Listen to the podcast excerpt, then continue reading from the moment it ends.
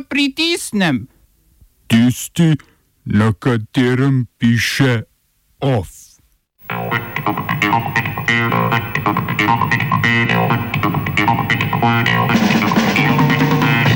V Jemnu po dogovoru o delitvi moči prisegla nova vlada.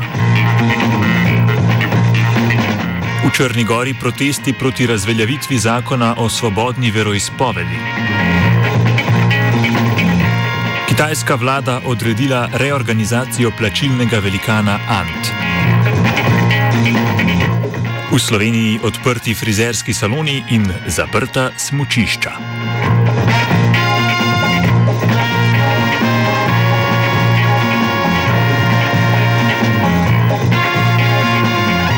Pozdravljeni. Pred zgradbo Črnogorskega parlamenta v Podgorici se je kljub omejitvam zbiranja zaradi epidemije COVID-19 zbralo več sto protestnikov, ki nasprotujejo spremembam zakona o svobodi veroizpovedi, ki ga je danes začela obravnavati skupščina Črne Gore.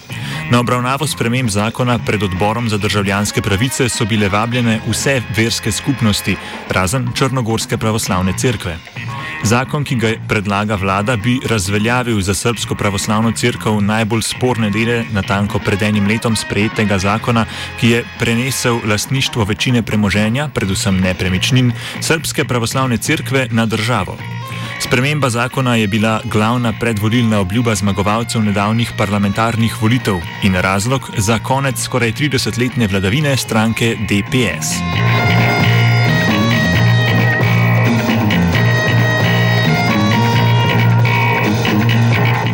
Nova jemenska vlada je prisegla v kabinetu predsednika države Abd Rabah Mansur Hadija. Samo formacijo vlade je omogočil dogovor o deljenju moči, do katerega je med drugim prišlo s pomočjo Saudove Arabije. Vlada ima 24 članov, vodi pa jo premijer Majen Abdul Malik. Zastopanost severnega in južnega dela države je enakomerna, iz vsake regije prihaja enako število poslancev. Vlada tako šteje tudi pet članov separatistične skupine Južni tranzicijski svet. Hadi pričakuje, da bo parlament dal prednost ekonomskemu stanju v državi, kjer 13,5 milijona ljudi živi v revščini in nima stabilnega dostopa do hrane. Sama sestava vlade je sprožila proteste aktivistk za pravice žensk, saj jo prvič v 20 letih sestavljajo le moški.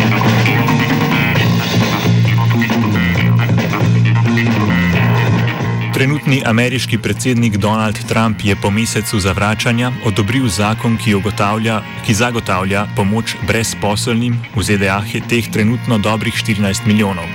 Zakon nudi tudi delno financiranje distribucije cepiva in omogoča delovna mesta zaposlenim v letalski industriji. Vsi američani si tako lahko obetajo slabih 500 evrov enkratnega finančnega dodatka, brezposelni pa bodo prejemali tedensko pomoč v višini 245 evrov. Kongres je sicer zakon potrdil že v ponedeljek, a Trumpu ni odgovarjala višina enkratnega dodatka, sam meni, da bi ta moral znašati dobrih 1600 evrov. Okolikor Trump ne bi podpisal zakona, bi prišlo do zaprtja vlade, že tretjič v administraciji.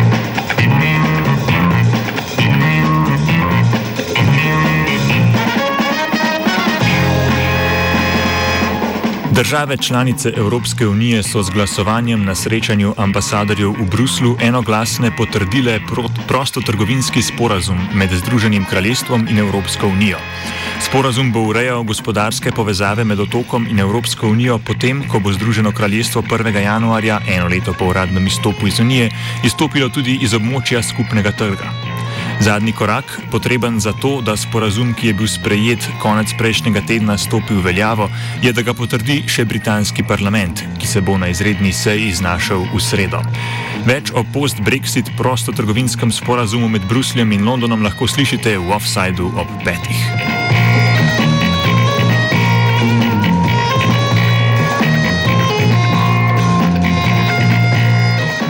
Kitajska centralna banka se je odločila omejiti poslovanje finančne skupine Ant, plačilnega velikana, ki sodi pod okrilje Alibabe, katere ustanovitelj je Jack Ma, eden najbogatejših ljudi na Kitajskem.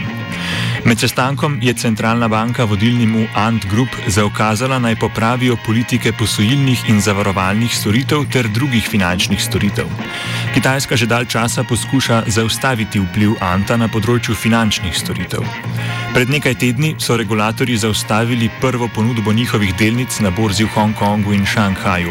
Poleg tega je minuli teden kitajska oblast sprožila tudi protimonopolno preiskavo spletnega velikana Alibaba. Ant se je uveljavil s svojo storitvijo Alipay, eno najpopularnejših plačilnih aplikacij na kitajskem.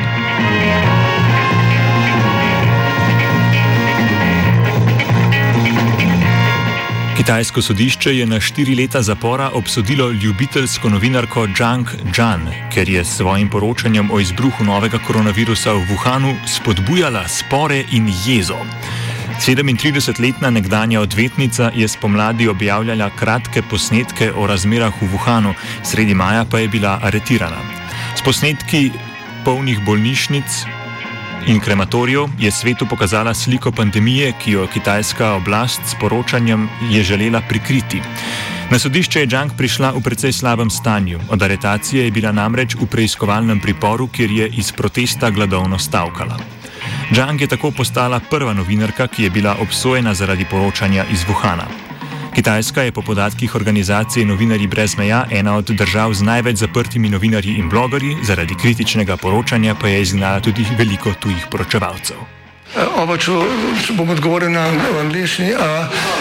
Slovenija bo poskušala pomagati. Slovenija bo naredila naš utmost, da bo rekla, da je situacija naš problem, sami. In da bomo naredili nadaljnje korake, as soon as the conditions are. Bomo vlado Marjana Cererera Šarca podprli.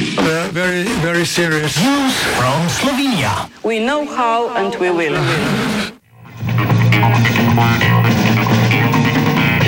V razvoju epidemije novega koronavirusa in ukrepov proti njegovemu širjenju je na vrsti ponovno sproščanje delovanja tržnic, trafik in frizerskih salonov. Prenehanje izvajanja dejavnosti jim je bilo odrejeno 24. decembra, ali tri dni pozneje se je to odločitev spremenilo. Tako bodo naštete dejavnosti najverjetneje lahko obratovale do 4. januarja. Drugačna zgodba pa se piše s mučiščem, ki so bila prav tako odprta pred kratkim. Večina je pričela z obratovanjem 10. decembra. Vlada je na tole 13 dni pozneje izdala odlog, ki prepoveduje obratovanje žičniških naprav. Temu se je oprlo smučišče na krvavcu, ki je kljub prepovedi nadaljevalo z dejavnostjo. Zato je zdravstveni inšpektorat v petek izdal globo v znesku 440. Neč neč 4000 evrov bo pa ta prava. V soboto pa, ker se smočišče državni volji ni pokorilo, zapečatil gondolo. Odlog delovanje smočišč prepoveduje do novega leta. Ah, ta radio, kot staro vino je.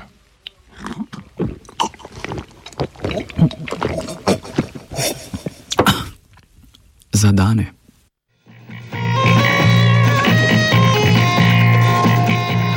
So pripravili vajenca Urša in Gal ter Lucija.